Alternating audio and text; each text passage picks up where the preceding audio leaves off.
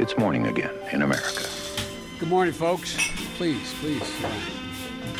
Come on, let's go. Let's go get some coffee. Thank you very much. God morgen, det er fredag 10. november, og morgenkaffen fra amerikanskpolitikk.no er servert. Washington Post kom i går med en forsinket oktoberoverraskelse til senatsvalgkampen i Alabama.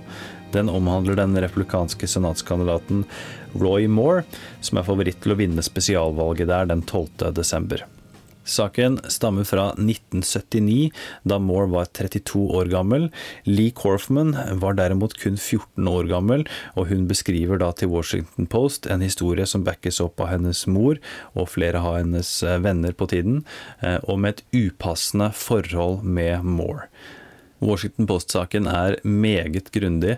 Her har de intervjuet mange mennesker over lang tid for å få på plass mest mulig detaljer, og det er jo da folk som da går ut med fullt navn og gjengir denne historien på flere ulike måter, som får det hele til å framstå meget troverdig.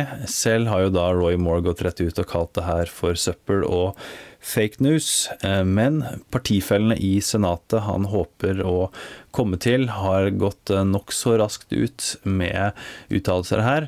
Gjengangstemaet er at dersom disse anklagene stemmer, sies det, så må han trekke seg.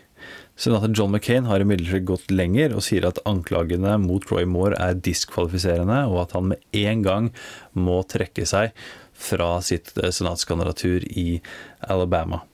Vi skal her høre kort fra en Roy Moore-reklame i Alabama, før jeg kommer litt inn på hva det her har å si for spesialvalget den 12. DC slime machine spending millions spreading lies about Roy Moore, bearing false witness. Why? We know why. We all know why. Roy Moore's honest, and Moore's his own man. Moore fears God, stands for the Constitution, fights for what is right, and believes what we believe. Drain the swamp. Send McConnell a message. Send them all a message. Roy Moore, Senate. My name's Roy Moore, and I approve this message. Moore er altså republikanernes kandidat til å ta over setet som Jeff Sessions hadde før han ble justisminister i Trump-administrasjonen. Valgsedlene i Alabama kan nå ikke endres. Det må da skje senest 76 dager før et valg. Det betyr at Roy Moores navn kommer til å stå på valgsedlene i Alabama. En kandidat kan likevel trekke seg. Og så er det også mulig med en såkalt write-in-kandidat. Vil si at noen kan stille nå i Alabamas senatsvalg, og så kan velgerne selv velge å skrive inn denne kandidaten. Senator Lisa Murkowski fra Alaska vant jo på denne måten i 2010. Hun tapte primærvalget, stilte allikevel og ble skrevet inn og er i dag senator. Og hun oppfordrer jo da bl.a. Luther Strange, mann som ble utpekt til å ta over senatsetet til Sessions, men som deretter tapte primærvalget mot Roy Moore, om å stille som writing-kandidat. Alt i alt så betyr det her bare at det er et stadig økende press mot Moore, og så gjenstår det å se hvordan det her kommer til å utarte seg i dagene som kommer. Dagens utgave av Morgenkaffen er servert av Martin Totland og undertegnede Are Togflaten. Du leser mer om disse og andre saker på amerikanskpolitikk.no. Du finner Morgenkaffen i Spotify, iTunes og andre podkast-apper sammen med Ampolkast. Helt til slutt så skal vi høre ja, bitte litt mer fra Roy Moore og en av hans TV-reklamer i Alabama. God helg, og så snakkes vi på mandag.